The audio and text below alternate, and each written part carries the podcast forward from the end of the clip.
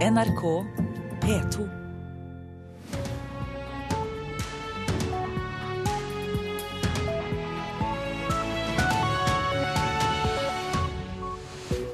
Og her i Nyhetsmorgen gir vi deg et enda bredere nyhetsbilde. Vi har disse sakene den nærmeste halvtimen.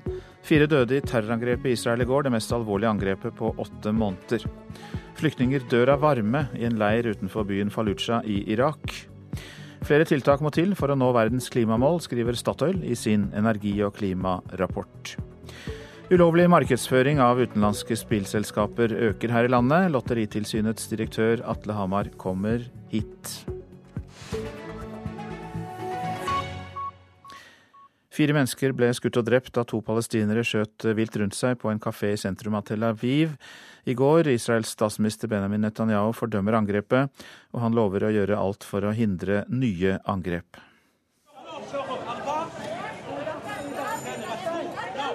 Det som lenge ble sett på som en fredelig boble i Israel, ble i natt rammet av vold. På en kafé i Tel Aviv gikk to palestinere til angrep og skjøt og drepte fire mennesker. Og ifølge Ethan Oved, som hadde et møte på kafeen, skjøt gjerningsmennene mot gjestene med maskingevær. I have a meeting, meeting I listen of, of gun, not a gun. Flere av de skadde ble behandlet på stedet, og de to angriperne, som begge skal være fra Vestbredden, ble skutt og arrestert på stedet, ifølge politiet. This evening,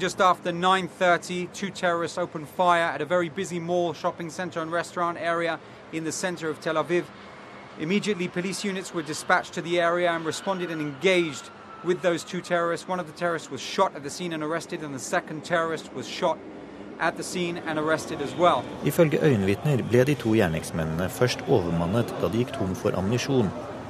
Og Israels statsminister Benjamin Netanyahu fordømmer angrepet og lover å slå hardt ned på lignende angrep. This is a, a savage uh, crime of murder uh, and terrorism in the heart of Tel Aviv. Uh, it's done by uh, criminal terrorists who don't value human life. I løpet av de siste åtte månedene har en lang rekke palestinere angrepet israelere på Vestbredden og i Israel. Over 200 palestinere og over 30 israelere har blitt drept i forbindelse med angrepet og sammenstøt. Reporter Christian Aanensen.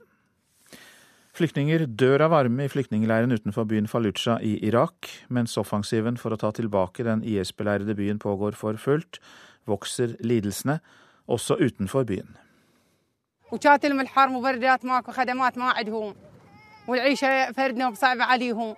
Vi dør av varmen, det finnes ikke noe klimaanlegg, det finnes ingen hjelp, sier Gariba. Hun peker på barnebarnet sitt. Jenta er to år og puster så vidt. Hun er bare skinn og knokler. Mens 50 000 mennesker er fanget inne i den beleirede byen Fallujah, lider også de som har klart å rømme fra IS. De er sultne, tørste, slitne og redde. Og de er flere tusen. Samtidig er temperaturen over 40 grader på dagen, og teltene har verken vifte eller elektrisitet. Slaget om den viktige byen har pågått i tre uker, og kampene blir stadig hardere. Irak tror nå at de bare er noen dager fra seier. Da haster det å få inn mat og medisiner, for inne i byen er lidelsene om mulig større enn på utsiden, forteller Malek Baktuli, som er ansvarlig for nødhjelpen i Anbar-provinsen. الوضع حسب المؤشرات الوضع الإنساني والصحي داخل الفلوجة متأزم Reporter var Elise Heisel Asbjørnsen. Å nå verdens klimamålsettinger vil kreve langt flere tiltak enn de som er meldt inn til nå. Det skriver Statoil i en energi- og klimarapport som legges fram i dag. Selv klimamålene som gjaldt før Parisavtalen blir tøffe å nå, sier Statoils sjeføkonom Eirik Wærnes. Det vi peker på, er at det er behov for en raskere omstilling og sterkere globale effektive tiltak for å bevege verden i riktig retning. Raskere og mer effektiv enn vi har planlagt til nå? Enn vi ser i dag, og enn det som er gjennomført i, i de ulike landene i verden som påvirker dette, enten vi snakker om USA, Europa eller Kina. I rapporten Energy Perspectives har Statoils analyseavdeling sett på hvordan verdens klimaambisjoner kan nås, men også hvordan de ikke nås. Rapporten presenterer tre ulike scenarioer, der bl.a. det internasjonale klimasamarbeidet og satsing på fornybar energi varierer. Det mest klimaoptimistiske scenarioet innebærer bl.a. en kraftig omlegging av transportsektoren. 90% av bilsalget i verden i 2040 er elektrisk eller plug-in hybrid og også en solid satsing på fornybar energi. Vi snakker om 500 000 vindmøller globalt sett på 6 megawatt størrelse. Det vil dekke et areal tilsvarende Spania. På solcellesiden så, så har vi ca. 11 millioner internasjonale fotballbaner. Et areal som tilsvarer Tsjekkia. I dette alternativet, som vi altså foreløpig er langt unna, nås det såkalte togradersmålet. Dvs. Si å begrense global oppvarming til maks to grader. Og også i denne fortellingen bruker vi fortsatt fossile brensler, mener Statoil. Nesten halvparten av verdens energiforbruk i 2040 er fortsatt olje og gass, og det er mye mer enn det vi klarer å produsere fra eksisterende felt. Så det er behov for masse nyinvesteringer i olje og gass, også i en sånn verden. Men vi er altså ikke på vei dit ennå. Det må sterkere endringer til enn det vi ser nå. Og dette gjelder altså det såkalte togradersmålet, som jo i Parisavtalen fra i fjor ble strammet inn til en ambisjon om bare 1,5 grads oppvarming. Så hvor mye mer utslippskutt betyr egentlig det? Sånn som situasjonen er nå, så vet vi veldig lite om hva en ytterligere tilstramming vil innebære for ulike sektorer. Men hvis ingen vet hva som må til for å nå 1,5-gradersmålet, og 1,5-gradersmålet er et mål, Eh, er ikke da en del av konklusjonene i denne rapporten litt utdaterte allerede før rapporten offisielt er utgitt? Nei, jeg tror, eh, tror, det som er viktig å få frem, er for det første at, eh, at, vi i utgangspunktet beveger oss i feil retning. Det er verden sånn som den er i dag. Så har vi fått noen klimamål, nasjonale klimamål, og vi har noen globale klimamål. Og så har vi fått veldig få tiltak som beveger oss i den retningen. Så vi trenger noen tiltak som beveger oss i riktig retning av disse målene. Og så får vi se hvor raskt det går. Eh, og hvis målene blir strammere og tiltakene blir strammere, så vil vi få en tilpasning i riktig retning. Men usikkerheten rundt dette, og usikkerheten hva det betyr for både olje og gass og kull og alle de andre sektorene som, som da må endre seg, eh, våre reisevaner og sånne ting, enten det er to grader vi snakker om eller det er et strammere klimamål, er veldig stor. Reporter, det var Halvard Norum. Avisene nå, og det de har på sine forsider. Hoffet dekker lønnsutgiftene for vedlikehold og vaktmestertjenester på kong Harald og kronprins Haakons private eiendommer, skriver Dagbladet. Praksis i alle år har vært at hoffets ansatte brukes til eh, ikke verdiøkende vedlikehold. Det svarer ansvarlig statsråd Jan Tore Sanner. Men Senterpartiets Per Olaf Lundteigen krever en redegjørelse for pengebruken. Det haster å knytte Norge til EUs finanstilsyn, mener regjeringen.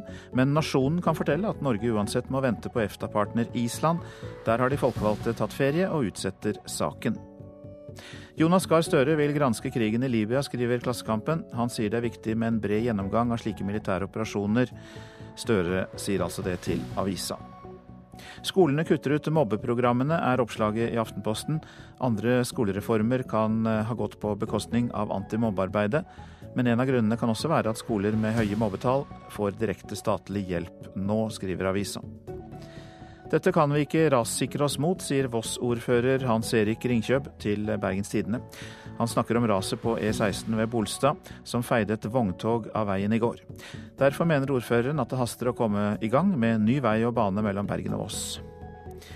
En predikant fra Mosambik som hevder å ha vekket folk opp fra de døde, skal tale på oasestevnet i sommer, kan Vårt Land fortelle. Ikke troverdig, mener professor Atle Ottesen Søvik ved Menighetsfakultetet, som etterlyser dokumentasjon. BG har vurdert terrortrusselen i sommerens ferieland. I Frankrike og Spania er er det høy beredskap og terrorfare, mens Kroatia og Bulgaria regnes for land der det er lav risiko for terror. Trondheimsordfører Rita Ottervik er på skimøte i Mexico, får vi vite i Adresseavisen. Hun kjemper for å overbevise Det internasjonale skiforbundet om at de skal velge Trondheim som arrangør av ski-VM i 2021, framfor Oberstdorf og Planica. Og avgjørelsen den blir tatt natt til i morgen. Lotteritilsynet legger i dag fram en rapport om omfanget av penge- og dataspillproblemer i Norge. I denne befolkningsundersøkelsen så går tilsynet inn på bl.a. den ulovlige markedsføringen av utenlandske spillselskaper. Og direktør i Lotteritilsynet Atle Hamar, velkommen hit. Takk for det. Hva er det som gir grunn til bekymring? Det som gir grunn til bekymring, er at markedsføringstrykket fra utenlandske spilleselskap det øker dag for dag. Vi har, eh, som et eksempel, så kan jeg vise til at det er 62 reklameinnslag per time. Det er 1500 reklameinnslag per døgn. Er det på TV, da? eller? Det er på TV. Så har du all den markedsføringen som skjer på nett, i andre sosiale mediekanaler. Eh, I det hele tatt på alle sendeflater som kanskje spesielt ungdom forholder seg til, så er det veldig høy markedsføringsaktivitet. Hvorfor skal vi være bekymret? Er ikke spillsektoren kommet for å bli? At vi må leve med at det er et eh, økt trøkk eh, for å selge inn dette i Norge? I Norge så har vi jo en uh, politikk med et stort og bredt stortingsflertall bak som sier det at vi skal først og fremst ta hensyn til de sårbare gruppene. Vi skal først og fremst ha en spillepolitikk som ikke forårsaker spilleproblem i befolkningen. Det har vært et gjennomgående prinsipp. Derfor har vi jo en regulering i Norge som gjør at spiller du på norske spill, så er de trygge, de er sikre. Du kan ikke spille deg fra hus og hjem på det norske pengespillet. Men det kan du på en del av de nettspillene som blir tilbudt fra utlandet, der du i løpet av noen timer en sen kveld kan svi av flere hundre tusen kroner. Er det lukrativt med disse pengespillene for de som driver dem, altså?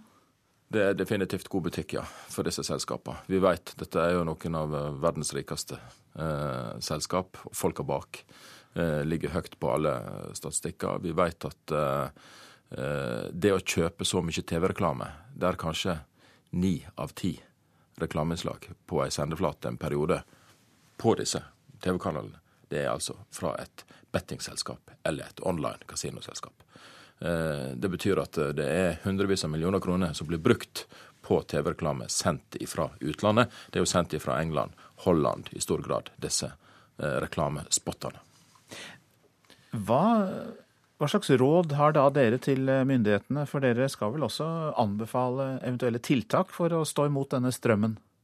Ja, Nå har jo Linda Hofstad Helleland, kulturministeren, varsla en kommende stortingsmelding der hun òg har sagt at det skal komme forslag til bedre heimler for tilsynet. Sant? Til å kunne møte dette, til å kunne regulere eh, det norske markedet. Og i så måte eh, så kommer nok tilsynet også til å trappe opp aktiviteten før den stortingsmeldinga eh, er gitt. Vi kommer til å informere mer aktivt, fortelle hva er det som er lov, hva er det som ikke er lov.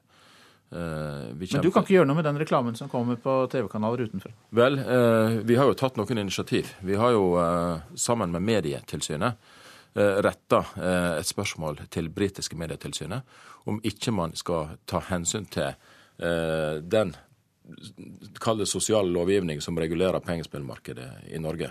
For det er jo dette TV-direktivet som regulerer dette, altså sendelandet, som i dette tilfellet f.eks. er England. Der kan man jo sende fritt til alle land, og sånn sett er ikke det per definisjon uh, ulovlig. Men uh, vi har tatt opp dette eh, med engelske myndigheter. Vi kommer til å følge det tett. Vi jobber både med pengespillmyndigheter og med mediemyndigheter i England. Mange takk skal du ha, Atle Hamar, som altså da er direktør i Lotteritilsynet. Og denne rapporten de har utarbeidet, den blir lagt fram i løpet av dagen. Dette er Nyhetsmorgen, og klokka har passert 6.46. Dette er hovedsaker. Meklingen mellom SAS og flygerne pågår fortsatt på overtid. Fristen gikk ut ved midnatt. Dersom det blir brudd, går 435 flygere ut i streik. Å nå verdens klimamålsettinger vil kreve langt flere tiltak enn de som er meldt inn til nå, skriver Statoil i en rapport som legges fram i dag. Jernbaneverket bryter sikkerhetsregler, sier en regionsjef i Direktoratet for samfunnssikkerhet og beredskap til Dagens Næringsliv. Jernbaneverket svarer at flere av manglene er rettet. Det blir kult å åpne Bislett Games med norsk duell. Ja, Det sier nybakt norgesrekordholder på 400 meter hekk, Karsten Warholm. Sist helg så tok han rekorden på distansen fra Øyvind Kjerpeseth, og i kveld så møtes jo de til duell. Um, nei, altså jeg syns på en måte det er, det er, kult at vi får en uh, 400 meter hekk-duell. Altså, Bislett Games er jo, er jo, egentlig bare et stort show, og det er klart at det, en norsk duell der er jo med på å gjøre det bare enda mer publikumsvennlig. Så vi allerede hatt én nå unnagjort, og så blir det kult å, kult å få en til. Det, det, blir veldig gøy. Spesielt når vi kan eh, duellere på så høyt nivå som eh, vi begge er på nå. Så gleder jeg meg til det. Sier Øyvind Strømmen Kjerpeseth, som vil ta tilbake norgesrekorden som han hadde inntil forrige helg i Florø. Da satte Karsten Warholm rekord med 49,62. I, I Florø var han best, og så eh, får, vi, får jeg prøve å løpe enda fortere neste gang. For de to siste gangene de har møttes til duell, er det Warholm som har vært raskest, men han vil ikke si at han har et overtak. Altså, jeg vet ikke, jeg liker egentlig ikke å, å se på det på den måten. Altså, både jeg og Øyvind er to gutter som jobber ekstremt hardt på å få til, eh, få til det vi skal. Og så må vi på en måte heller prøve å ha det fokuset at vi skal eh, springe med hverandre for å på en måte nå, nå den toppen som vi begge egentlig ønsker. da. Og så er det selvfølgelig, når vi stiller på start, så må vi være i hver sin bane og vi må, vi må, være mot hverandre. Men, eh, men det er også viktig å ha det fokuset at, det vi, at vi på en måte er et team, da. Jeg eh, gjør sikkert tenker sånn som Karsten. altså vi må, eh, vi må, hjelpe hverandre fram til å prestere på eh, et høyt nivå. Det tror jeg vi kan gjøre. OL-kravet som de nå begge kjemper om å nå, er på 49,30, 32 hundredeler unna norgesrekorden. Likevel mener Warholm at det er et realistisk mål for dem begge. Ja, for så vidt, men, men, igjen så har jeg på en måte lært meg at jeg skal prøve å ikke forskuttere det, og heller bare prøve å få gjort det først. og så og så kan vi heller ta, ta praten om det senere. Men eh, likevel så må det være lov å si at det, den er jo innenfor rekkevidde for oss begge, egentlig. Og Vil du ha med deg Bislett Games på TV, så uh, minner vi om at sendingen starter 17.50 på NRK1. og Reporter var uh, Marianne Kvamme Amengual. Helse Sør-Øst vil ha et nytt gigantsykehus på Gaustad i Oslo og legge ned Ullevål sykehus. Ledelsen i helseregionen vil ha et lokalsykehus på Aker og et kreftsykehus på Radiumhospitalet. Etter at eh, Oslo universitetssykehus i fjor foreslo å bygge et stort sykehus på Gaustad, har kritikken rast mot prosjektet, men administrerende direktør i Helse Sør-Øst, Katrine M. Lofthus, tror det blir nødvendig. Vi foreslår en klar retning for videreutviklingen av Oslo universitetssykehus. Og da peker vi på at vi mener at Oslo universitetssykehus bør bestå av tre sykehus med klar profil. Et lokalsykehus på Aker, et eh, kreftsykehus på Radiumhospitalet og et regionsykehus på Gaustad. I tillegg til å bygge på Gaustad, vil toppledelsen anbefale et stort kreftsykehus på Radiumhospitalet og et svært lokalsykehus på Aker.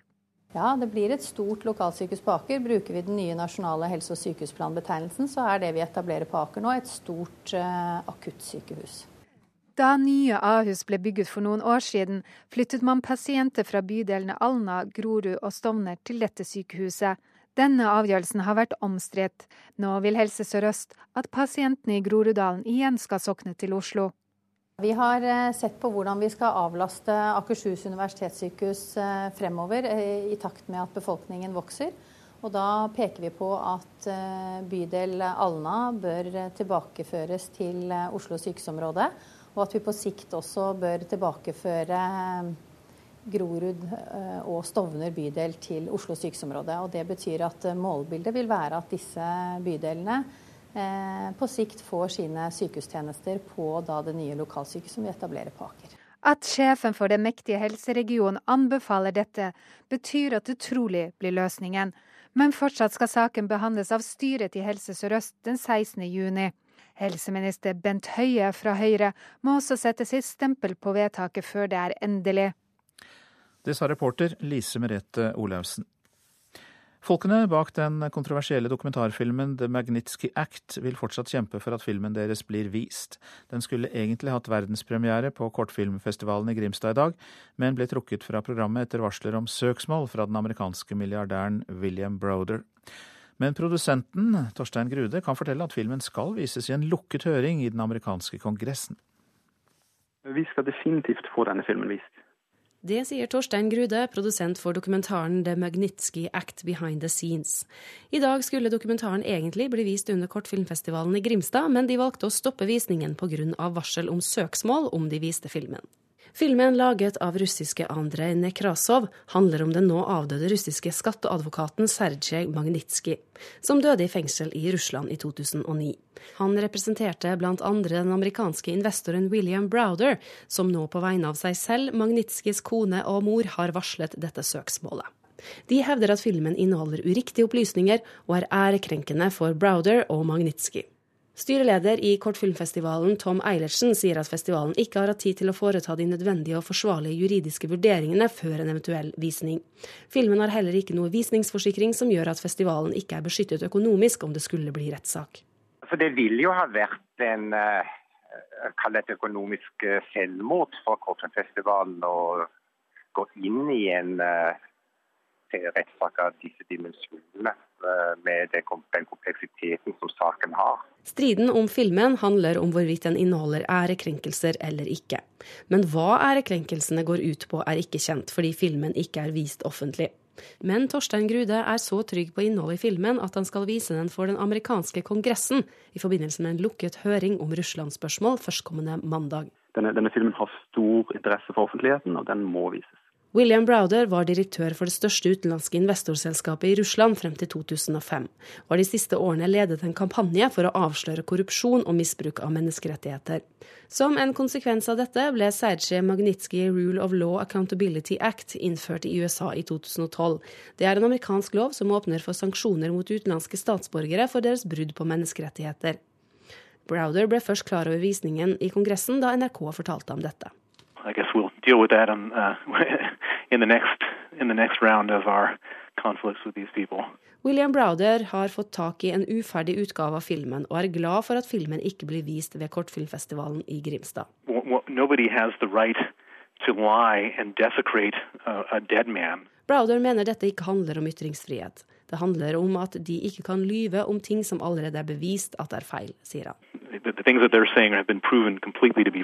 Torstein Grude, produsent for The Magnitsky Act, mener at filmen står seg. Når filmen er ferdig og blir publisert, så kan folk uh, sjøl se på, på, på uh, altså hva de fremsetter i filmen, og vi gjør vår dokumentasjon tilgjengelig for enhver som måtte ønske å gå inn i det.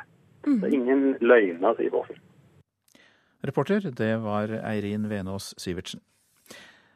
Om man skal investere penger i norsk musikk, så må man gjøre det nå. Det sier Norges største popstjerne om dagen, Kyrre Gjørvel Dahl, bedre kjent som Kygo. Mange mener at norsk musikk har fått et forsprang på resten av verden, fordi det er så mange nordmenn som abonnerer på strømmetjenester. Og dette forspranget haster å utnytte, mener Kygo.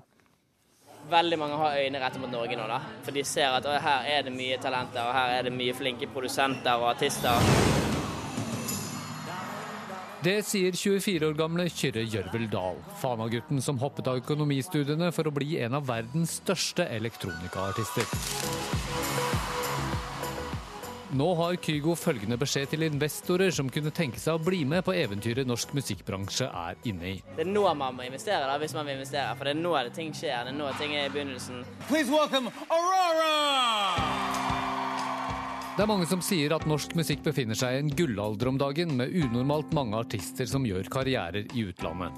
Men dette skyldes ikke bare kvaliteten på artistene. Det handler like mye om at nordmenns aktive bruk av strømmetjenester som Tidal og Spotify har ført til at resten av verden hermer etter vår musikksmak. Når tusenvis av nordmenn eksempelvis hører på High As A Kite, gjør veldig mange andre det også fordi musikken klatrer på listene. Dette er et forsprang som vi må bruke til å skape noe større, sier Katrine Synnes Finnskog i Music Norway. Vi har et unikt moment, og det må vi utnytte med å skaffe oss posisjon i det globale markedet. Hun sier norsk musikkbransje må klare det samme som svenskene. Man må motstå fristelsen å selge rettighetene til utenlandske plateselskaper. Man skal heller beholde dem i Norge, så man kan bygge en virkelig profesjonell musikkindustri som hele landet kan tjene på. Vi har ingen tradisjon for å eie og forvalte så mye immaterielle rettigheter, og der ligger det veldig store verdier. Hvis vi ikke klarer å sitte på rettighetene, så mister vi i tillegg til kompetanse også hele uh, bruttoøkonomien i en utgivelse. Det er synd for den norske musikkbransjen, det er synd for den norske staten, som mister skatteinntekter. Og det skaper mindre aktivitet i det norske musikklivet. Erik Brattås er daglig leder i Fonofile. Det er en norsk musikkdistributør som i det siste har etablert seg i en rekke land for å promotere norske artister mot strømmetjenestene. Han mener kulturministeren må gjøre mer for å hjelpe norsk musikkeksport, for det vil lønne seg på sikt. Nå kan eh, Kulturdepartementet benytte anledningen til å lage virkemidler som gir mer tilgang på kapital for eh, den kreative næringen og for musikkindustrien. For det har de ikke vært flinke nok til? Nei, Det finnes i hvert fall ikke noen sånn voldsomme ordninger på det området, nei. Nå har jeg jobba med ulike tiltak for uh, hvordan jeg tror de kan eh, styrke kreativ næring og også øke eksport av uh, norsk kunst og kultur. Det svarer Høyres kulturminister Linda Hofstad Helleland. Og så avventer jeg nå til jeg får konkrete råd og tiltak fra Næringspolitisk råd. De skal komme med sine forslag før sommeren, og så får dere andre vente i spenning inntil jeg skal legge frem mine forslag. Reporter var Petter Sommer. Så var det værvarselet. Sør for Stad og Dovre så um, tar vi med at det på kysten av Vestlandet sør for Stad blir perioder med nordlig stiv kuling. Og mye pent vær og lange perioder med sol i hele dette området, men fra ettermiddag kan det komme enkelte regnbyger i indre strøk østafjells. Møre og Romsdal og Trøndelag nordøstlig liten kuling på kysten av Sunnmøre, enkelte regnbyger, men perioder med sol mellom bygene. Nordland og Troms nordøstlig liten kuling på kysten, få regnbyger og lange perioder med opphold og sol. Finnmark det blir også nordøstlig liten kuling på kysten der, men først på dagen stiv kuling lengst øst i Finnmark. Regn og sluddbyger, snø i høyereliggende strøk. Mest nedbør blir det på vidda og i Øst-Finnmark. Og så minker nedbøren til kvelden. Spitsbergen nordvest liten kuling, litt sludd og snø lengst nord, ellers oppholdsvær. Og så har vi ikke glemt temperaturene, målt klokka fem.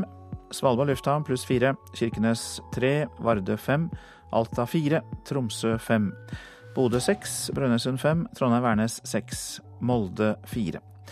Så var det Bergen, Flesland og Stavanger, begge med åtte grader. Kristiansand-Kjevik seks, Gardermoen fire, Lillehammer fem, Røros én grad, Oslo-Blindern pluss 7.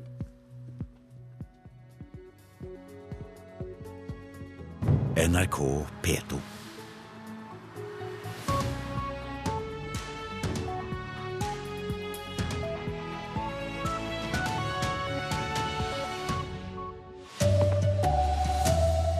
Det er langt fra verdens klimaplaner til det som faktisk blir gjennomført av klimatiltak. Og Flyselskapet Norwegian har ikke lov å trekke den nye flypassasjeravgifta fra folk som alt har betalt billett, mener Forbrukerombudet. Her er NRK Dagsnytt ved Silje Sande, klokka er sju. Verden er foreløpig et godt stykke unna fra å nå klimamålene i praksis. Det skriver Statoil i en fersk energi- og klimarapport der selskapet har sammenlignet verdens klimaambisjoner og med klimatiltak som faktisk er vedtatt. Og sjeføkonom i Statoil, Eirik Wærnes, har konklusjonen klar. Det må sterkere lut til. Vi har laget et scenario der vi forutsetter at, at man når den type målsettinger, og, og, og viser da hva som må til. Og det er ikke så rent lite, ifølge Statoil. Blant annet 500 000 vindmøller globalt sett på 6 megawatt størrelse. Det vil dekke et areal tilsvarende Spania. På solcellesiden så, så har vi ca. 11 millioner internasjonale fotballbaner. Et areal som tilsvarer Tsjekkia. Reporter Halvard Norum. Norwegian har ikke lov å trekke den nye flypassasjeravgiften fra de som alt har betalt billetten, det mener Forbrukerombudet. Flyselskapet har varsla flere tusen kunder om at de kommer til å trekke flypassasjeravgiften fra korta til de som alt hadde kjøpt og betalt billettene sine før 1.6. Problemet er at Norwegian ikke har samtykke til å belaste kundene sine kort med ekstrabeløpet, sier Forbrukerombudet til TV 2. Meklinga mellom SAS og flygerne der pågår fremdeles på overtid. Norsk Cockpitforbund, SAS Norge Pilotforening og arbeidsgiveren SAS har sittet i mekling hos Riksmekleren i hele natt, og fristen gikk ut ved midnatt. Dersom det blir brudd, kommer 435 flygere til å gå ut i streik, og dersom det blir streik, kommer flyselskapet til å informere på sine nettsider.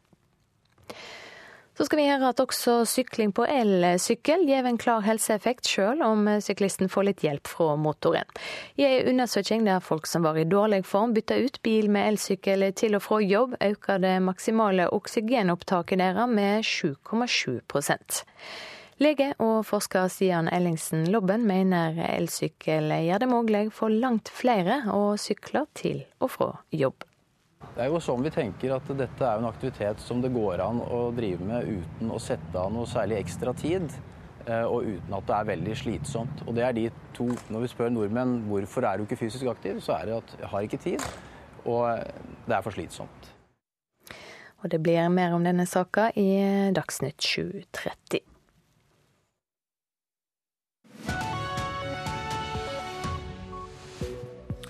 Og Nyhetsmorgen fortsetter med disse sakene. Nye pass som ikke oppgir fødested kan være ulovlige, mener advokat. Flere får jobb via bemanningsselskaper. Bransjen er ute av kontroll, mener Senterpartiets Per Olaf Lundteigen.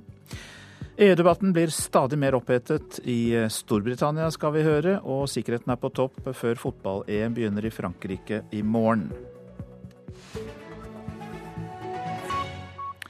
De nye reglene for fødested i passet for norske borgere født i en rekke afrikanske og asiatiske land er ulovlige. Det mener advokat Arild Humlen. Politidirektoratet bestemte i mars i år at det skal stå fødested ukjent i passet til borgere som er født i de 31 landene det gjelder. Men det har ikke politiet hjemmel til, sier advokat Humlen.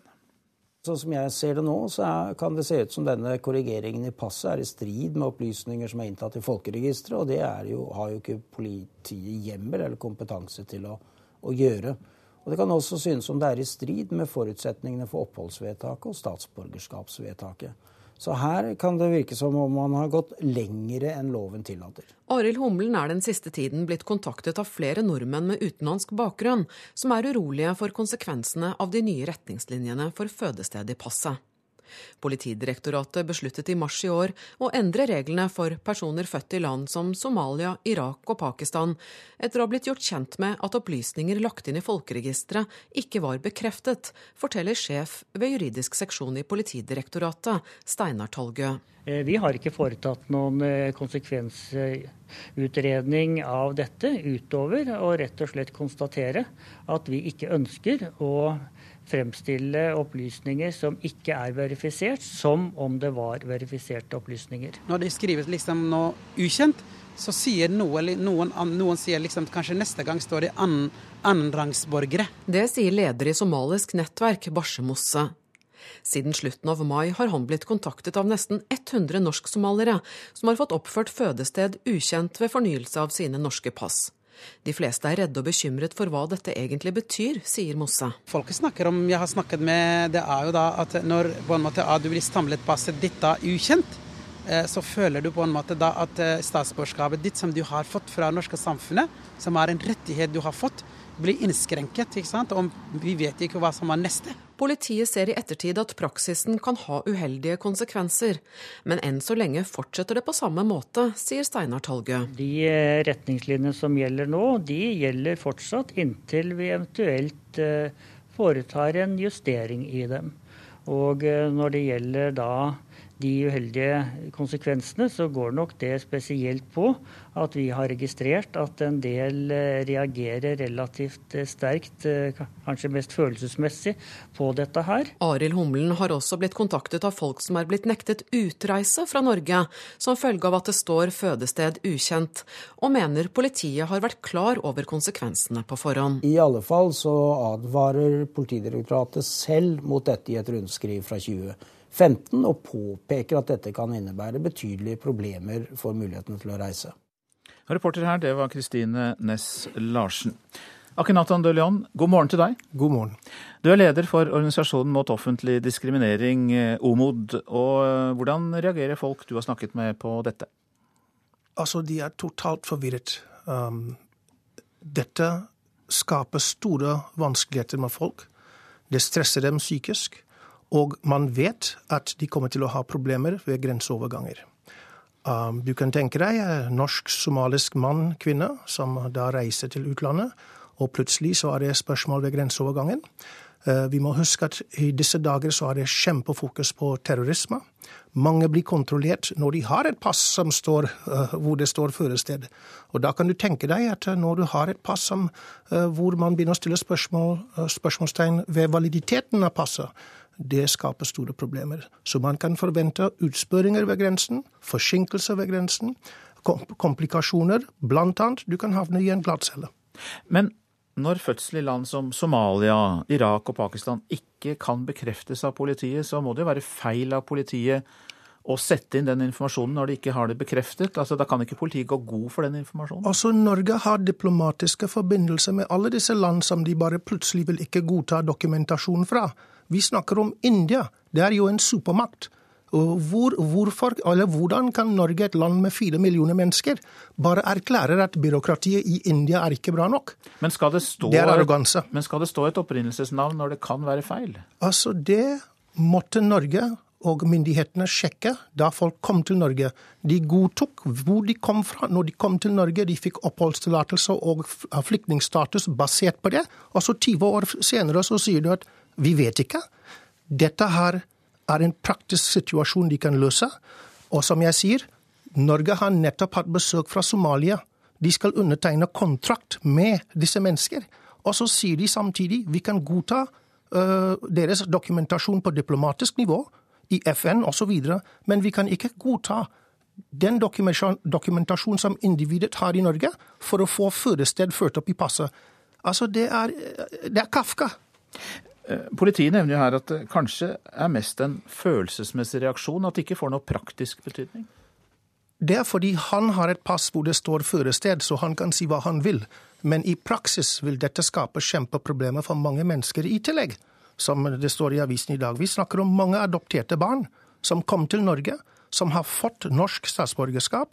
De har følt seg som norsk hele tiden, og så plutselig så kommer Norge og så sier noe, eller politiet og sier noe slik. Jeg må minne om at det er jo under krigen at slike forhold har eksistert, hvor plutselig politiet erklærer at du, du, du gjelder ikke, eller du, du, tilhører ikke til Norge lenger. Dette er, noe, dette er, et meget alvorlig inngrep i folks identitet og, og tilhørighetsfølelse.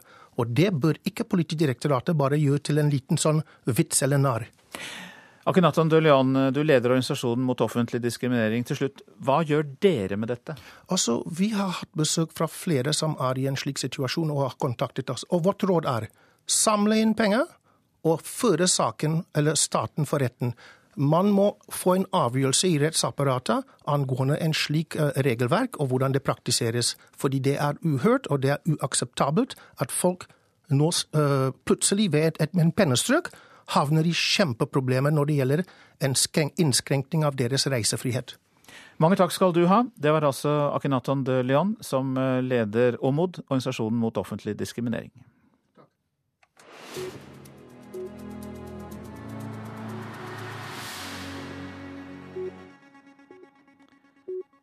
Nå skal vi høre at bemanningsbransjen er på frammarsj. I en tid med mye nedbemanning er det stadig flere som benytter et bemanningsbyrå som en vei ut av lediggangen. Det viser nye tall fra NHO. Jeg jobber hovedsakelig for den eh, maritime businessen som vi har. Offshore, olje og gass, petrokjemisk. Ja. Andrea Hegnar har nok å stri med. Hun mista jobben i samband med nedgangstiden i oljesektoren, men nå har hun fått seg vikariat gjennom et bemanningsbyrå. Jeg syns det er en kjempefin mulighet å komme tilbake i, i arbeid på. Eh, de er snart på laben når man er eh, Ja, flott mulighet for eh, eventuelt ha noe i mellomtiden, da. Til man finner f.eks. noe fast. Andrea er ikke alene. Nye tall fra NHO syner at 80 000 nordmenn fikk jobb via et bemanningsbyrå i fjor, og at 32 000 av dem gikk fra arbeidsløse. Det er bra, for da er det 32 000 færre som er arbeidsledige. Even Hagelien i NHO Service, som organiserer bemanningsbransjen, er strålende fornøyd. Samtidig er bemanningsbransjen en verdifull vei inn i permanente stillinger. Så dette gir jo også en god mulighet for at folk forblir i arbeidslivet. Men ikke alle liker utviklinga. Nei, det er å gå i feil retning. Det sier Per Olaf Lundteigen i Senterpartiet. Han liker ikke at bemanningsbransjen er på frammarsj. Det er negativt, for at du får en spiral nedover med lønns- og arbeidsvilkår. Og de firmaer som ønsker å ha fast ansatte folk med skikkelige forhold, de blir utsatt for en konkurranse som ikke er real. Hagelien i NHO er ikke samd. Nei, eh, bemanningsbransjen er gjennomregulert. Og eh, de som jobber der, de har rett til de samme arbeids- og lønnsvilkår som om når man jobber eh, fast. Men Lundteigen er ikke overtydd. Han tror bemanningsbyrået er med på å presse ned både lønn og arbeidsforhold. Det er klart at det er eh, bra for enhver som får jobb, men altså her må vi holde eh, prinsippene klare. Det å bli ansatt i bemanningsbransjen, da har du ingen trygghet for eh, inntekt, fordi at du veit ikke når du skal jobbe i framtida. Den underminerer det som er de trygge, sikre forholdene i norsk arbeidsliv. Du underminerer de solide arbeidsgiverne som ønsker altså å ha ordentlige forhold, og du premierer de som eh, har en tilfeldighet med arbeidsfolk. som bemanningsbransjen står klar til å, å gjennomføre. Andrea Hegnar er likevel klar på at for hun er en usikker jobb bedre enn ingen jobb. Så kjenner man jo den følelsen av å ikke ha kontroll. Og det er jo en ubehagelig følelse. Men eh, om så de ikke får drømmejobben med en gang, så er det i hvert fall en jobb å gå til, og det er en inntekt. Reporter Alexander Åsnes. Ved å sykle til og fra jobben med elsykkel, så kommer folk med dårlig kondis raskt i eh, bedre form. Det viser et eh, forskningsprosjekt der 25 personer i noen måneder byttet ut bilen med elsykkel. 53 år gamle Berit Helgeland Kyllevik fra Tananger i Rogaland har fortsatt å sykle etter at forskningsprosjektet var avsluttet. Jeg har eh, batteriet på maks effekt, men så har jeg det på et av de tyngste girene.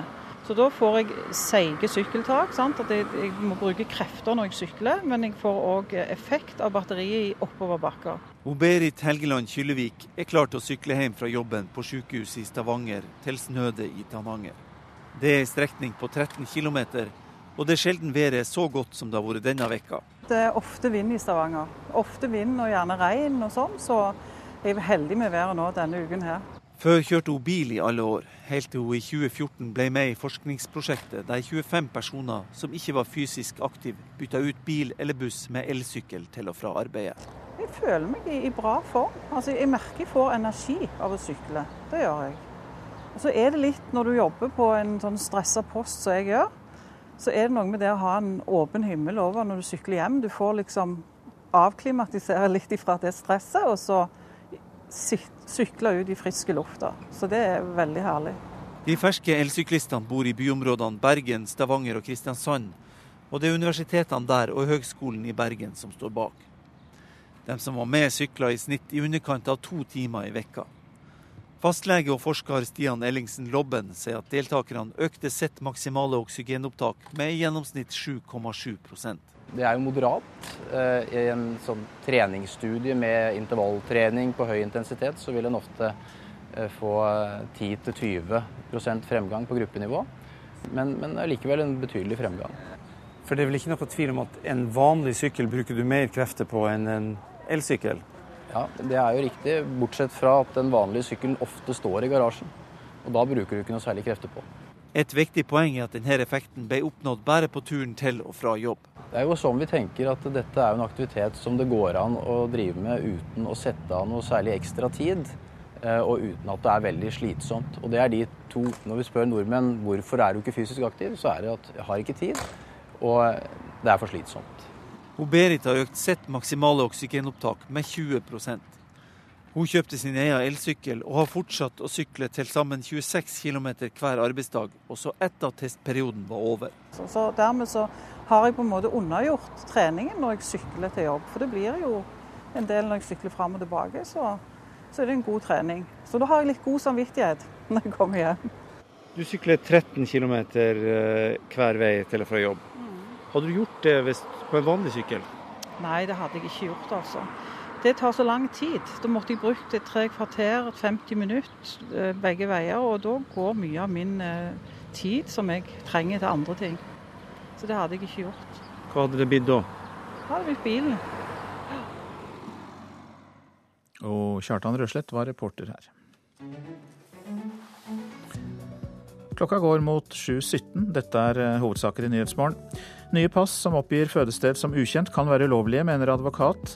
Akinatan Dølian, leder for organisasjonen mot offentlig diskriminering, oppfordret her i Nyhetsmorgen folk med slike pass om å gå til sak mot staten. Meklingen mellom SAS og flygerne pågår fortsatt på overtid. Fristen gikk ut ved midnatt. Dersom det blir brudd, går 435 flygere ut i streik. Flere får jobb via bemanningsselskaper, har vi hørt. Bransjen er ute av kontroll. Det mener Senterpartiets Per Olaf Lundteigen.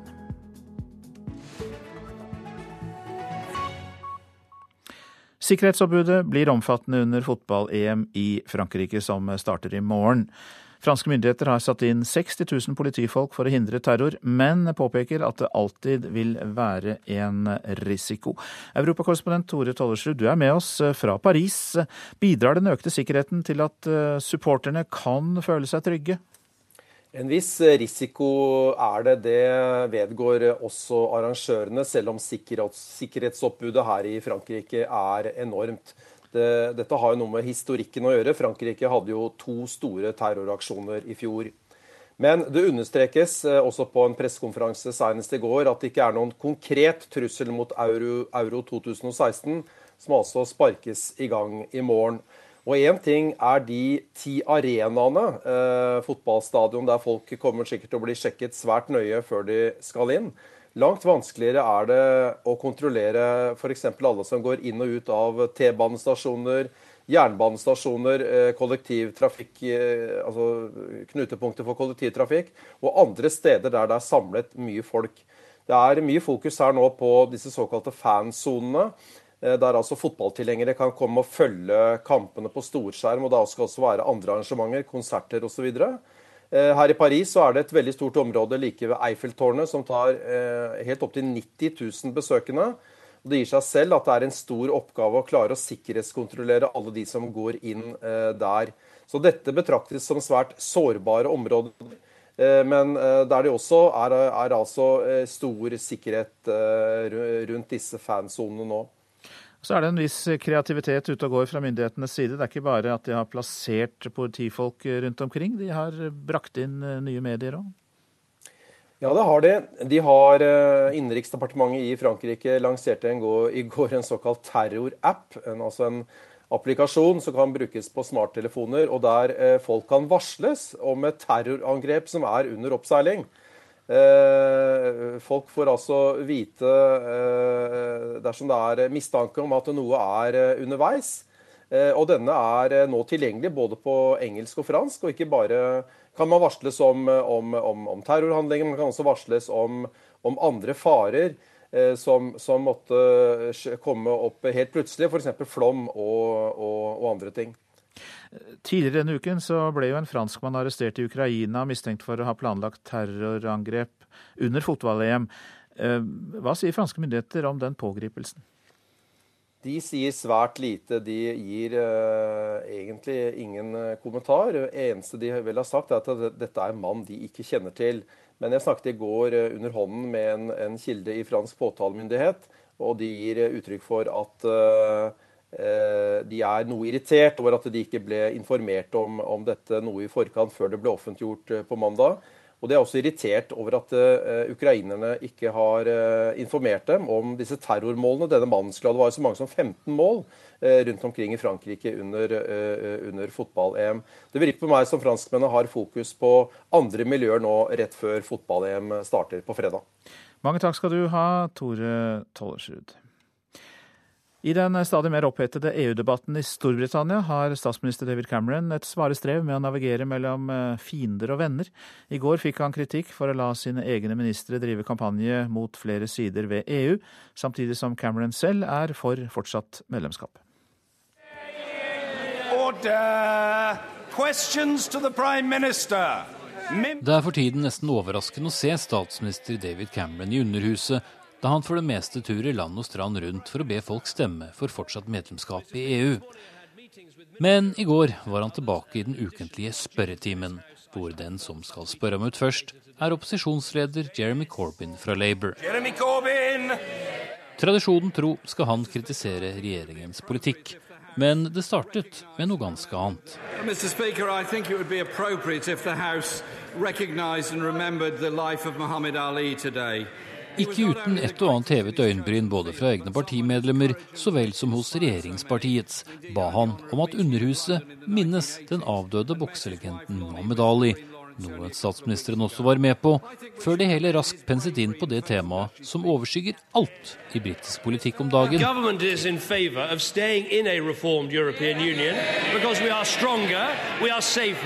Men, spurte Jeremy Corbyn, hvis regjeringen er så for EU, hvorfor driver da hans egen justisminister og andre fremtredende partimedlemmer og snakker ned alle fordelene EU har gitt for britiske arbeidstagere? Snakker de på vegne av seg selv eller regjeringen, ville han vite. And if they speak for themselves, how are they ministers at the same time? Prime Minister! And here I am trying to be so consensual. I'm, I'm doing my best. I... Uten at han fikk særlig svar. For Cameron skapte seg noen intrikate problemer da han for mange måneder siden ble presset til å gi samtlige av sine partimedlemmer, ministre inkludert, en fri stemme i EU-saken. Og nettopp derfor endte da også Cameron opp med enda mer kritiske spørsmål mot seg selv fra en av sine egne, så fort opposisjonslederen var ferdig. Finally, country needed, Hvis noen lurer, så er statsministeren i ferd med å tape, slo det konservative partimedlemmet Richard Drax fast. Godt var det kanskje da at det var en fra de radikale skotske nasjonalistene som var nestemann ut. For selv om Cameron og han står milelangt unna hverandre politisk til vanlig, så er de to enige om at Storbritannia bør bli værende i EU. Folkeavstemningen skaper utvilsomt mange uforutsigbare allianser og ikke minst fiender. Enda er det et par uker igjen. Espen Aas, London. Så var det avisene her hjemme. Hoffet dekker lønnsutgiftene for vedlikehold av vaktmestertjenester på kong Harald og kronprins Haakons private eiendommer, skriver Dagbladet. Praksis i alle år har vært at hoffets ansatte brukes til ikke-verdiøkende vedlikehold, svarer ansvarlig statsråd Jan Tore Sanner. Men Senterpartiets Per Olaf Lundteigen krever en redegjørelse. Det haster å knytte Norge til EUs finanstilsyn, mener regjeringen, men nasjonen kan fortelle at Norge uansett må vente på EFTA-partner Island. Der har de folkevalgte tatt ferie og utsetter saken. Jonas Gahr Støre vil granske krigen i Libya, skriver Klassekampen. Støre sier det er viktig med en bred gjennomgang av slike militære operasjoner. Skolene kutter ut mobbeprogrammene, er oppslaget i Aftenposten. Andre skolereformer kan ha gått på bekostning av antimobbearbeidet, men en av grunnene kan også være at skoler med høye mobbetall får direkte statlig hjelp nå. Dette kan vi ikke rassikre oss mot, sier Voss-ordfører Hans Erik Ringkjøb til Bergens Tidende om raset på E16 ved Bolstad som feide et vogntog av veien i går. Derfor mener ordføreren at det haster med å komme i gang med ny og vei og bane mellom Bergen og Voss. En predikant fra Mosambik som hevder å ha vekket folk opp fra de døde, skal tale på Oasestevnet i sommer, kan Vårt Land fortelle. Det er ikke troverdig, mener professor Atle Ottesen Søvik ved Menighetsfakultetet. VG har vurdert eh, terrortrusselen i sommerens ferieland. I Frankrike og Spania er eh, det land med høy beredskap og terrorfare, mens Kroatia og Bulgaria er land der det er lav risiko for terror. Og Trondheimsordfører Rite Ottervik er på skimøte i Mexico for å sier hun til Adresseavisen, og kjemper for å overbevise Det internasjonale skiforbundet om at de skal velge Trondheim som VM-arrangør i 2021. Fram til 20. mai i år har politiet i Østfold fått 14 meldinger om bilister som kjører mot kjøreretningen på E6. To personer har mistet livet i ulykker som følge av dette, og nå vurderer politiet og Statens vegvesen nye tiltak.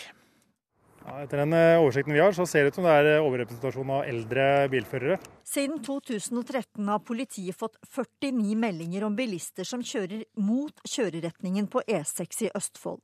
Av disse var 23 beskrevet som eldre.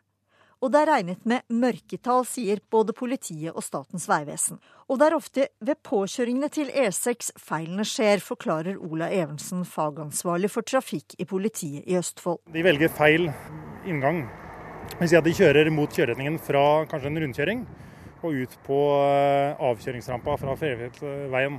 Når de kommer ut på påkjøringsrampa, velger de å svinge til venstre. Eller at de velger å snu på E6 når de først har kommet ut på flerfeltsveien. Leder i organisasjonen Seniorsakene Østfold, Finn Åsmund Jonsbråten, tror trafikkbildet kan være krevende for eldre. Jeg tror det først og fremst eh, dreier seg om oppmerksomhet og evnen til å være oppmerksom. Når det oppstår situasjoner hvor man skal ta, ha oversikt over flere ting samtidig, og ta raske beslutninger, så tror jeg det at eh, det er mer krevende for de eldre enn for de yngre. Ulykker etter at biler har kjørt i feil kjøreretning på E6 har kostet to menneskeliv i Østfold i år, og én person er hardt skadet. Etter disse hendelsene har Ola Evensen fra politiet og Marianne Bjørsland i Statens vegvesen sjekket alle påkjøringsrampene på E6 i Østfold. Og de er fornøyd fordi de er skiltet slik de skal, med både innkjøring forbudt-skilt og et skilt med en hånd som sier stopp. Men i løpet av kort tid skal skiltingen gjøres enda bedre. Det var noen skilt som uh, bør vris litt på. Noen er uh, kanskje av så dårlig kvalitet at de bør byttes ut. Um, sette noen skilt litt lavere og flytte litt på det. Og, og muligens sette opp noen veivisningsskilt uh, der hvor vi ser at det kan en, hjelpe bilistene å velge riktig retning. Og i Vegdirektoratet blir det vurdert om det skal komme opp blinkende lys eller bommer, sier Bjørsland. Men i første omgang nå så prøver vi de tiltakene som vi vet fungerer. Med kantsten og ledelinjer, og gjøre det enda vanskeligere eh, å velge feil. Leder i Seniorsaken i Østfold, Finn Åsmund Jonsbråten, mener bedre veier og skilt ikke er det som er løsningen. Jeg tror løsningen ligger i å få luket ut de eldre etter hvert som alderssvekkelsene inntrer. Og der er det jo eh, et stort ansvar som hviler på eh, legene. Og fra 1.10 blir det tydeligere helsekrav når man skal fornye sertifikatet. Og Østfold-politiet er aktive på veien. De stopper sjåfører hvor de mistenker at de er uskikket til å sitte bak et ratt, enten det er pga. vandel eller helse. Og Vi ser at eh, vi får mange meldinger våkne tjenestemann. Eh, så i fjor så mottok Felles forvaltningsenhet på Vannsjø 120 eh, bekymringsmeldinger. Og av det så ble 49 eh, førerretter inndratt. Vi har en jobb å gjøre der også, og håper at vi har muligheten til å være enda mer på veien og avdekke enda flere førere. Reporter Anne Ognedal. Og du lytter til Nyhetsmorgen, produsent Marit Selmen Edrelid, her i studio Øystein Heggen. Samferdselsminister Ketil Solvik-Olsen mener Oslo-byrådet nekter å innse hva de har sagt ja til av E18-utbygging. Han møter Andreas Halse fra Oslo Arbeiderparti til debatt i Politisk kvarter.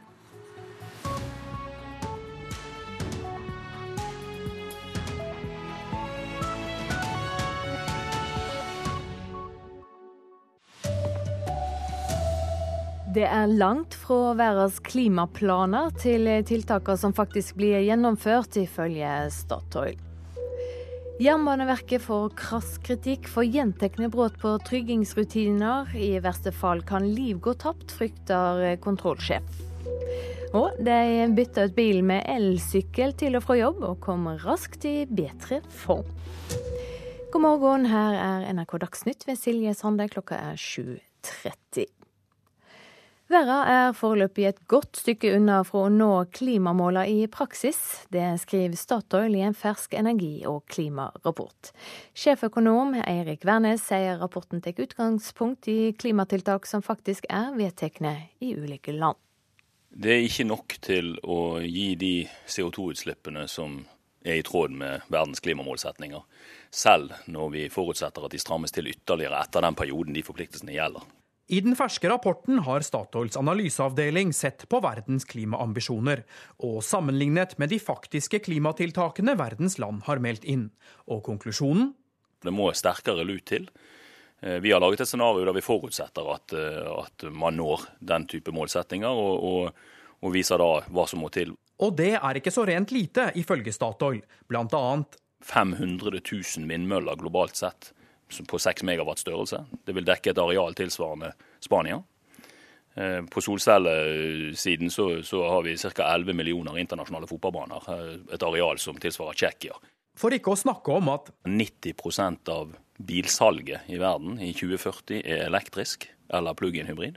Men selv i dette tenkte klimavennlige framtidsscenarioet vil det fortsatt være behov for norsk olje og gass, mener Statoil. Nesten halvparten av verdens energiforbruk i 2040 er fortsatt olje og gass, og det er mye mer enn det vi klarer å produsere fra eksisterende felt. Så det er behov for masse nyinvesteringer i olje og gass, også i en sånn verden. Men vi er altså ikke på vei dit ennå. Det må sterkere endringer til enn det vi ser nå. Reporter Halvard Norum. Direktoratet for eh, samfunnstrygghet og beredskap frykter for eh, tryggheten til togpassasjerer i Norge. Flere interne rapporter i Jernbaneverket avslører gjentekne brudd på reglene. Mellom annet blir det etterlyst brannøvinger og beredskapsplaner for tunnelene. Manglende beredskapsplaner med brann i tunneler, elektriske anlegg som ikke sikres og gjentagelse av feil. Nå frykter Direktoratet for samfunnssikkerhet og beredskap at liv kan gå tapt etter det ble avslørt gjentatte brudd på sikkerhetsregler, så Jernbaneverket. En gjennomgåelse Dagens Næringsliv har gjort av Jernbaneverkets interne revisjonsrapport fra 2015, avdekka totalt 22 avvik og 14 påpekninger. Regionsjef Arild Hammer i Direktoratet for samfunnssikkerhet og beredskap mener Jernbaneverkets ledelse i ytterste konsekvens leker med livet til både togpassasjerer og ansatte. Eh, det har vært eh, noen alvorlige brudd og andre såkalte brudd. Avvikene har allerede blitt fiksa. Det sier Tor Erik Skarpen, pressesjef i Jernbaneverket. Ja, det er rettet opp i. Og Direktoratet for samfunnssikkerhet de, de har eh, tilsyn med litt andre ting enn en, en tunneler. De har tilsyn med f.eks. elektriske høyspentinstallasjoner.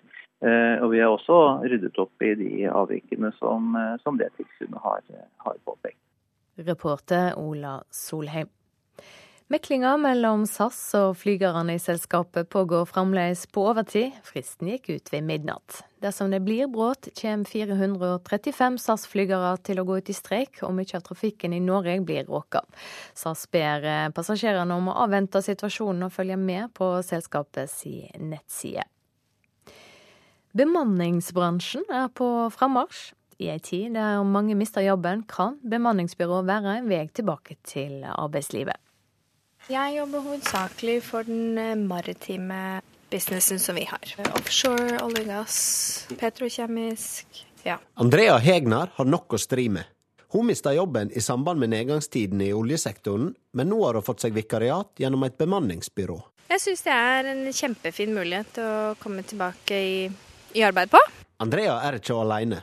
Nye tall fra NHO syner at 80 000 nordmenn fikk jobb via et bemanningsbyrå i fjor, og at 32 000 av dem gikk fra arbeidsløse. Det er bra, for da er det 32 000 færre som er arbeidsledige. Even Hagelien i NHO Service, som organiserer bemanningsbransjen, er strålende fornøyd. Samtidig er bemanningsbransjen en verdifull vei inn i permanente stillinger. Så dette gir oss en god mulighet for at folk forblir i arbeidslivet.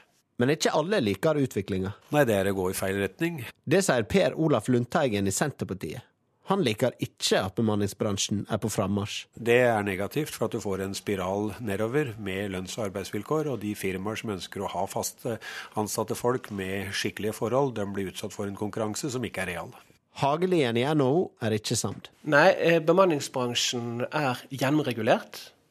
Og de som jobber der, de har rett til de samme arbeids- og lønnsvilkår som om når man jobber fast. Reporter Alexander Åsnes. Politidirektoratet bestemte nylig at det skal stå fødestad ukjent i passet til folk fra 31 land i Afrika og Asia. De nye reglene kan være ulovlige, det sier advokat Arild Humlen. Sånn som jeg ser det nå, så kan det se ut som denne korrigeringen i passet er i strid med opplysninger som er inntatt i folkeregisteret, og det jo, har jo ikke politiet hjemmel eller kompetanse til å, å gjøre. Og Det kan også synes som det er i strid med forutsetningene for oppholdsvedtaket og statsborgerskapsvedtaket. Så her kan det virke som om man har gått lengre enn loven tillater. Ved å sykle til og fra jobb på elsykkel kommer folk med dårlig kondisjon raskt i bedre form.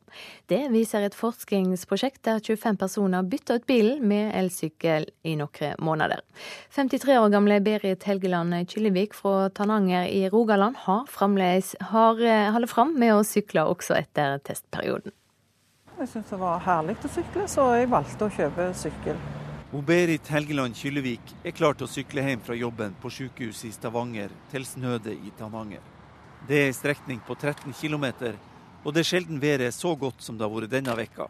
Ofte vind og gjerne regn og sånn, så er heldig med været nå denne uken her. Før kjørte hun bil i alle år, helt til hun i 2014 ble med i forskningsprosjektet der 25 personer som ikke var fysisk aktive, bytta ut bil eller buss med elsykkel til og fra arbeidet. Jeg føler meg i, bra form. Altså, jeg merker jeg får energi av å sykle. Det gjør jeg. De ferske elsyklistene bor i byområdene Bergen, Stavanger og Kristiansand. Og det er universitetene der og Høgskolen i Bergen som står bak. Fastlege og forsker Stian Ellingsen Lobben sier at deltakerne økte sitt maksimale oksygenopptak med i gjennomsnitt 7,7 jo dårligere form du er i i utgangspunktet, jo, jo mer hjelp til å komme over dørstokkmila får du fra, fra elsykkelen, jo viktigere blir den hjelpen. For det er vel ikke noe tvil om at en vanlig sykkel bruker du mer krefter på enn en elsykkel? Ja, det er jo riktig, bortsett fra at den vanlige sykkelen ofte står i garasjen. Og da bruker du ikke noe særlig krefter på. Hun Berit har økt sitt maksimale oksygenopptak med 20% og har fortsatt å sykle til sammen 26 km hver arbeidsdag, også etter at testperioden var over. Så, så Dermed så har jeg på en måte unnagjort treningen, så da har jeg litt god samvittighet når jeg kommer hjem. Reporter Kjartan Rørslett. Om en skal investere penger i norsk musikk, så må en gjøre det nå. Det sier Norges største popstjerne om dagen, Kyrre Gørvel Dahl, bedre kjent som Kygo. Mange mener norsk musikk har fått et forsprang på resten av verden fordi det er så mange nordmenn som abonnerer på strømmetjenester. Dette forspranget haster det med å utnytte, sier Kygo. Veldig mange har øynene rettet mot Norge nå, da. For de ser at her er det mye talenter, og her er det mye flinke produsenter og artister. Det sier 24 år gamle Kyrre Gjørvel Dahl, Fana-gutten som hoppet av økonomistudiene for å bli en av verdens største elektronikaartister. Nå har Kygo følgende beskjed til investorer som kunne tenke seg å bli med på eventyret norsk musikkbransje er inne i. Det er nå man må investere, da, hvis man vil investere. For det er nå det ting skjer. Det er nå ting er i begynnelsen. Please welcome Aurora! Vi har et unikt moment, og det må vi utnytte med å skaffe oss posisjon i det globale markedet. Katrine Synnes Finnskog i Music Norway mener norsk musikkbransje må klare det samme som svenskene. Man må motstå fristelsen å selge rettighetene til utenlandske plateselskaper. Man skal heller beholde dem i Norge, så man kan bygge en virkelig profesjonell musikkindustri som hele landet kan tjene på. Vi har ingen tradisjon for å eie og forvalte så mye immaterielle rettigheter, og der ligger det veldig store verdier. Høyres kulturminister Linda Hofstad Helleland vil foreløpig ikke si hva hun vil gjøre for å bidra til å styrke norsk musikkeksport. Og så avventer jeg nå til jeg får konkrete råd og tiltak fra Næringspolitisk råd. De skal komme med sine forslag før sommeren, og så får dere andre vente i spenning inntil jeg skal legge frem mine forslag. Reporter her, det var Petter Sommer. Ansvarlig for NRK Dagsnytt, Arne Fossland.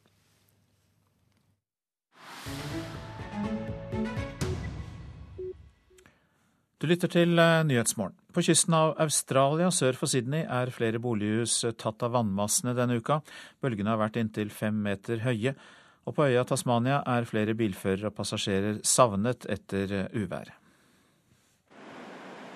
En elv har gått over sine bredder. I de brune vannmassene skimter vi taket på en personbil.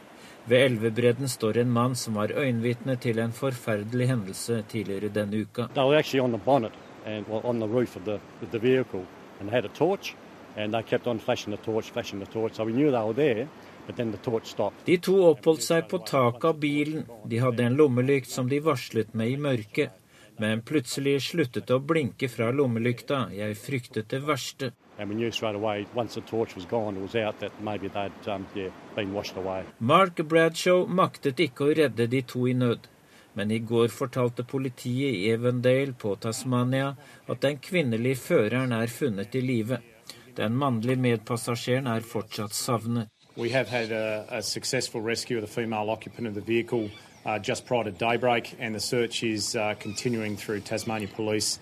Uh, Nick Wilson, som leder redningsoperasjonen på øya helt sør i Australia, forteller at letingen etter passasjeren fortsetter. En rekke elver på Tasmania og i delstaten New South Wales på fastlandet har gått langt over sine bredder etter voldsomme mengder med regn de siste dagene. Tre av de fire som er funnet omkommet, har vært bilførere i kjøretøy som vannmassene har ført med seg. Ute ved kysten sørøst i Australia er de materielle skadene svært store. Noen øyenvitner sier nå kommer den igjen. I neste øyeblikk er det en monsterbølge som treffer land sør for Sydney. Bølgene er minst fem meter høye. Flere bølger knuser verandaer på bolighus som ligger nærmest vannkanten. Noen av bølgene er så kraftige at de etterlater seg hull i husveggene. Vannmassene graver seg innunder flere hus som ligger på rekke og rad nærmest havet. I området Colaroy, sør for Sydney ligger sju hus og nærmest vipper på kanten. Det er som om husene forsøker å klamre seg til land, mens huseierne begynner å innse at det blir vanskelig å redde hjemmene. water getting through the rocks as they are then, and the sinkholes starting to happen. So, what's the future hold? Because it's going to have to wait and see how long this weather keeps up, and I don't know what the solution's going to be. Det ser mørkt ut dersom regnværet fortsetter, sier Isaac Freudenstein til australsk kringkasting. Flommen i Australia har ført til at statsminister Malcolm Turnbull og opposisjonsleder Bill Shorten har avlyst valgkampen denne uka. De reiser nå rundt og besøker ofre for flommen i landet. Men måten de skryter av innbyggerne i flomutsatte steder, tyder på at valgkampen ikke helt er lagt til side. They're not as powerful as the spirit and the generosity of the volunteers Statsminister Turnbull sier at ofrenes og redningspersonellets pågangsmot overstiger den ødeleggende kraften fra naturens side. Til nå er 3000 personer evakuert i Australia. De materielle skadene er til nå på om lag 400 millioner kroner. Myndighetene hevder at flommen er den verste i Tasmania på 40 år. Sa reporter Dag Bredvei. Dette er hovedsaker i Nyhetsmorgen. Meklingen mellom SAS og flygerne pågår fortsatt på overtid. Fristen gikk ut ved midnatt. Dersom det blir brudd, går 435 flygere ut i streik. Direktoratet for samfunnssikkerhet og beredskap frykter for sikkerheten til togpassasjerer i Norge. Flere interne rapporter i Jernbaneverket avslører brudd på reglene. Jernbaneverket svarer at flere av manglene er rettet. Verden er foreløpig et godt stykke unna å nå klimamålene. Det skriver Statoil i en fersk energi- og klimarapport. Flere får jobb via bemanningsselskaper. Bransjen er ute av kontroll, det mener Senterpartiets Per Olaf Lundteigen. Og nye pass som oppgir fødested som ukjent, kan være ulovlige, mener advokat. Organisasjonen mot offentlig diskriminering oppfordrer folk med slike pass om å gå til sak mot staten. Det er Politisk kvarter nå, og Bjørn Myklebust er programleder.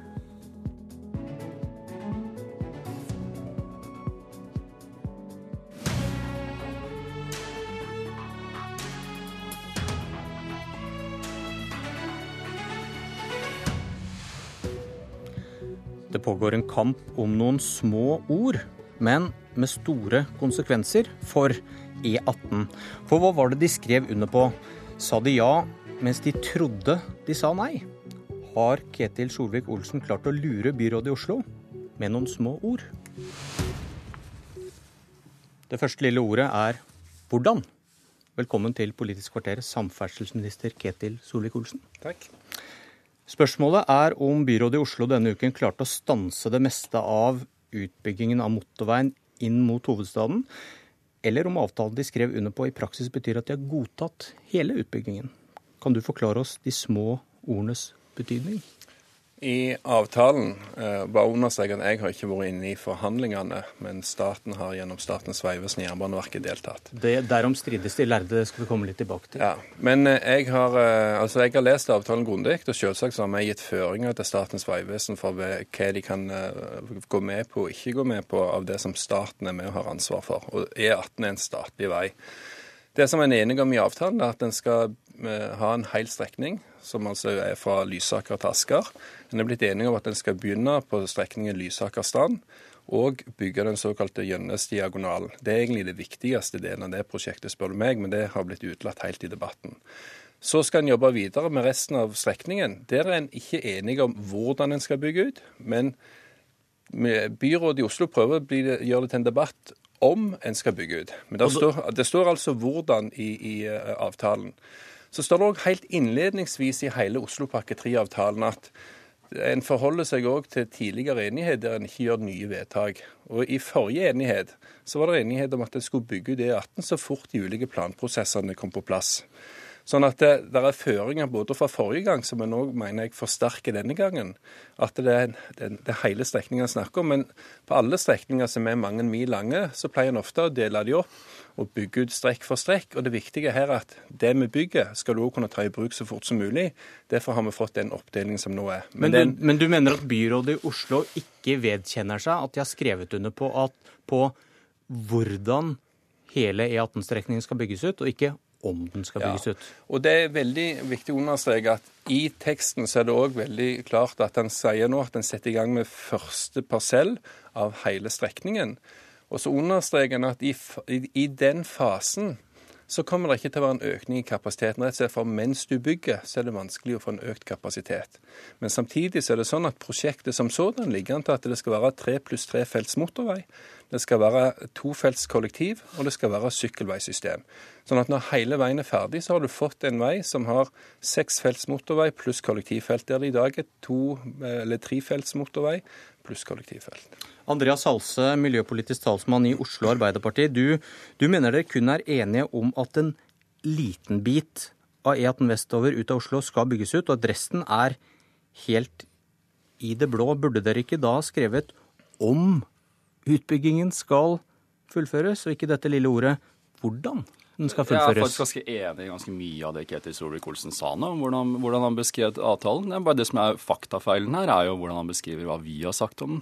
Eh, Jeg tror jeg skal rett og slett sitere meg selv ja, fra hva jeg sa på pressekonferansen som ble holdt på mandag. Da sa jeg vi har kuttet prosjektet med 4 milliarder kroner og fått til en nedskalering. Vi har skrevet en avtale som rom, gir rom for tolkning. Vi har skrevet at noe skal skje, men ikke hva som skal skje. Og vi har vist at vi kan vinne fram. For realiteten her er at eh, vi er enige om at på strekningen fra Strand ut forbi Asker, som vi nå, eh, har vi nå avtalt, der kan det skje noe. Men ikke hva som skal skje. Det kan plantes og, blomster i veikanten? Nei, vi har, vi, har, vi har aldri sagt at vi er imot forskjellige typer lokalmiljøtunneler i, eh, på denne strekningen. Men det viktige for oss har vært å unngå den fysiske økningen i veikapasiteten innover mot, eh, mot byen. Eh, I tillegg så er det sånn at i de planene som ble presentert for oss i begynnelsen av januar, når vi begynte å diskutere dette her, eh, her først, så var det fire felt innover mot Oslo i disse planene. Nå får vi et prosjekt som har tre felt innover på strekningen fra Strand-Lysaker. Så både framstillingen av hva vi faktisk har sagt, er direkte feil. eh, Og framstillingen av hva som er endret i avtalen, er nok eh, også litt, eh, litt mangelfull.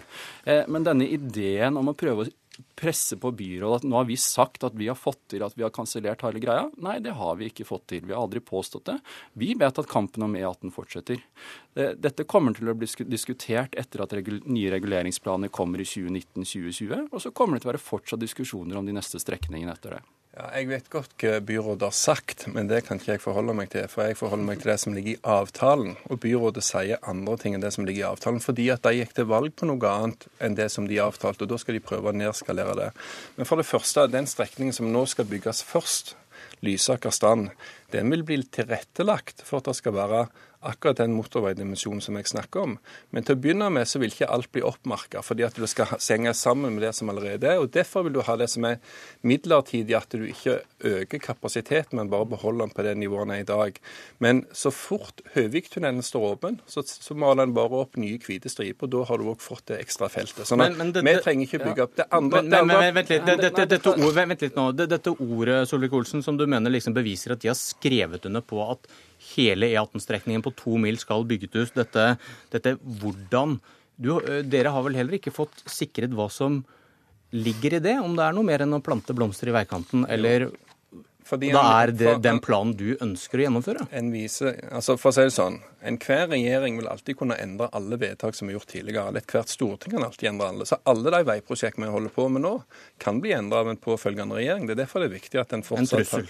Ja, men, men, men sånn er det. ikke sant? Vi vet at uh, andre partier ønsker å skrinlegge ting som vi holder på med. Men det er jo ikke en unikt for E18-prosjektet. Det gjelder alle steder.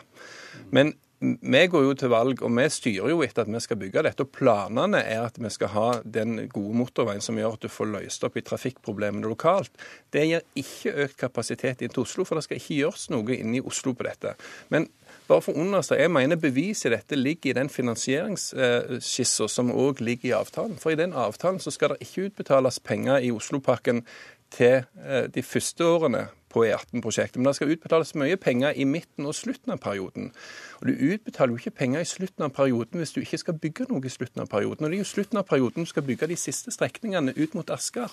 Så det i seg selv viser jo at de har porsjonert pengene for at det skal bygges noe hele veien. Kort til det, Holsen. Nei, dette er faktisk ikke riktig. Jo, det er i, riktig. finansieringslisten, avtalen. ja, I ligger det an til at det skal brukes penger fra 2021. Det er mens man fortsatt bygger på parsell 1. Den skal stå ferdig i 2024. Mm. Det har heller aldri stått noe i avtalene, verken i 2006, verken i 2012 eller nå, om de konkrete løsningene for hele E18. Første gangen det har stått noe konkret om hva slags løsninger skal bygges, er det som nå står på strekningen Lysaker-Strand. Det er ikke grunnlag for å si at pga. de avtalene som er inngått nå, så har vi nå en forpliktelse til å bygge de planene som finnes fra Statens vegvesens side på resten av strekningen. Og Det er dette som er nøkkelpoenget og grunnlaget for at vi fikk en avtale. For vi kunne bli enige om at vi fortsetter denne diskusjonen. Og jeg syns egentlig Anette Solli Høyres eh, fylkesordfører representant i, i, forhandlingsutvalget oppsummerte dette ganske godt eh, til Aftenposten 7.6. Så sier hun hun påpeker at det ikke er rett fram å bygge etappe to av E18 Vestkorridoren-prosjektet. Parsell to må gjennom en tilsvarende runde, sier hun.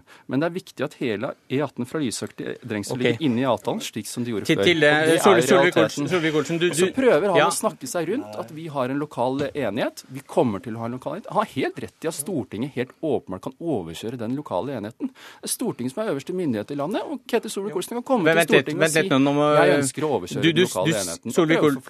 Solvik Solvik-Olsen, du skriver på din blogg om et redusert E18 at regjeringen har hele tiden sagt at det ikke var et aktuelt resultat. Var det da reelle forhandlinger?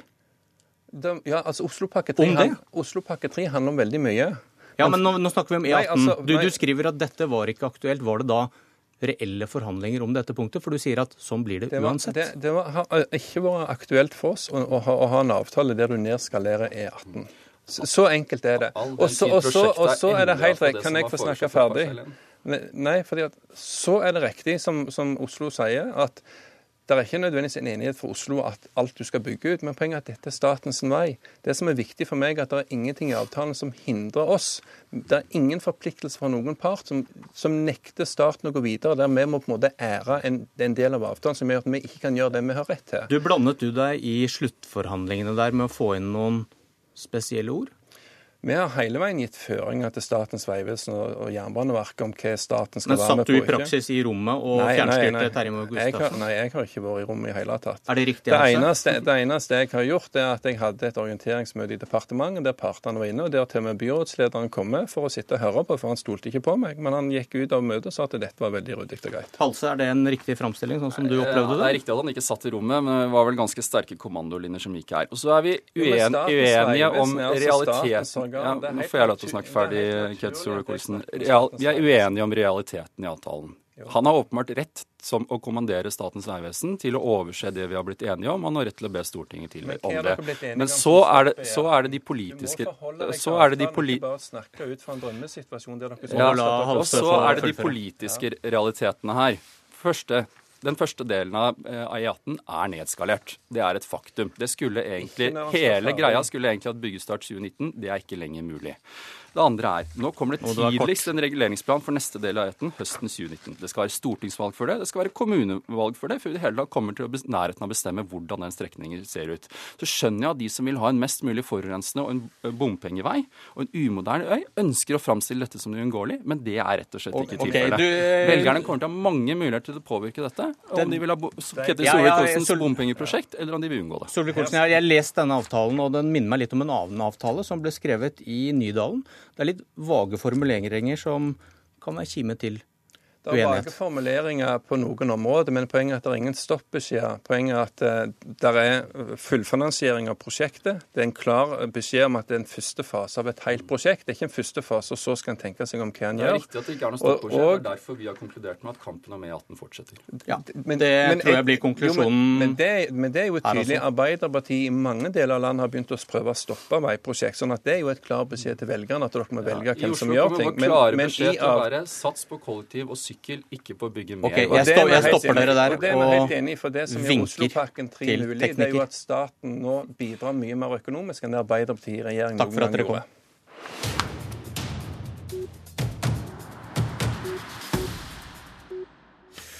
Fra små, men viktige ord til små, men viktige velgervandringer. For hadde vi fått en ny regjering hvis NRK sin ferske meningsmåling hadde blitt valgresultatet neste år? Lars Nehru Sand, politisk kommentator i NRK. Ja, Det hadde i hvert fall vært en liten, men stor nok velgervandring som eh, fra Høyre til Arbeiderpartiet hadde gitt et rød-grønt flertall. Men hva slags regjering? To muligheter, faktisk. Fordi Arbeiderpartiet kunne få flertall både med Senterpartiet og KrF. Eh, alene, de to eller de tre da, partiene, eller med en stor rød-grønn koalisjon med Senterpartiet, et SV over sperregrensen og et Miljøparti og Rødt inne med ett mandat hver seg. Miljøpartiet De Grønne og Rødt på vippen. Hva tror du Jonas Gahr Støre vil gjøre hvis det faktisk skjer? Det tror jeg nok han vil tenke nøyere gjennom når han ser om eh, MDG, hvis han klarer å se det før valget, eh, kommer inn som en større gruppe eller med bare et mandat som, eh, som nå. Eh, han har jo to valg. Det ene er å knytte det til seg eh, og bli en del av et stortingsflertall. Ikke nødvendigvis en regjering, men et, et parlamentarisk grunnlag. Eh, som vil sette han i, eller under press med, med politiske krav og, og, krav om gjennomslag. Eller skyve de fra seg, hvor han vil få en opposisjon fra begge sider i, i Stortinget når han skal dit og, og forhandle. Hvis vi er helt stille nå, så kan vi høre Solvik-Olsen rope rød-grønt kaos på vei ut fra NRK. Rollen er byttet fra forrige valg. Vil, vil, vil kaosanklage bite bedre denne gangen? Ketil må for det første komme og hente telefonen sin, og for det andre så kan han ja, i hvert fall si takk for sist. Eh, fordi Eh, det er jo litt annerledes nå ved at begge eh, de såkalte blokkene ikke har noe reelt eh, flertallsgrunnlag å gå til valg på som koalisjon, fordi, han, fordi KrF er i spill, og nok kanskje vil være det frem til valgnatten. Eh, og så blir det også litt annerledes fordi Støre er veldig åpen på at han ikke stiller til valg med en, med en koalisjon. Eh, der man i 13 hadde en Stoltenberg som stilte til valg med en koalisjon, og var opptatt av å anklage eh, Solberg for å ikke ordne opp i hva som var hennes foretrukne flertall. 20 sekunders analyse. Hvorfor mister de borgerlige flertallet på flere målinger nå? Styringen går litt tråere. Både fly Eh, passasjeravgiften og, eh, og eh, innvandringsinnstramningene gjør at Erna ikke har like god kontroll som hun har hatt tidligere. Da står Solvik-Olsen og leter etter mobilen som ligger her inne i studio. Dette var Politisk kvarter. Jeg heter Bjørn Myklebust. Hør flere podkaster på nrk.no podkast.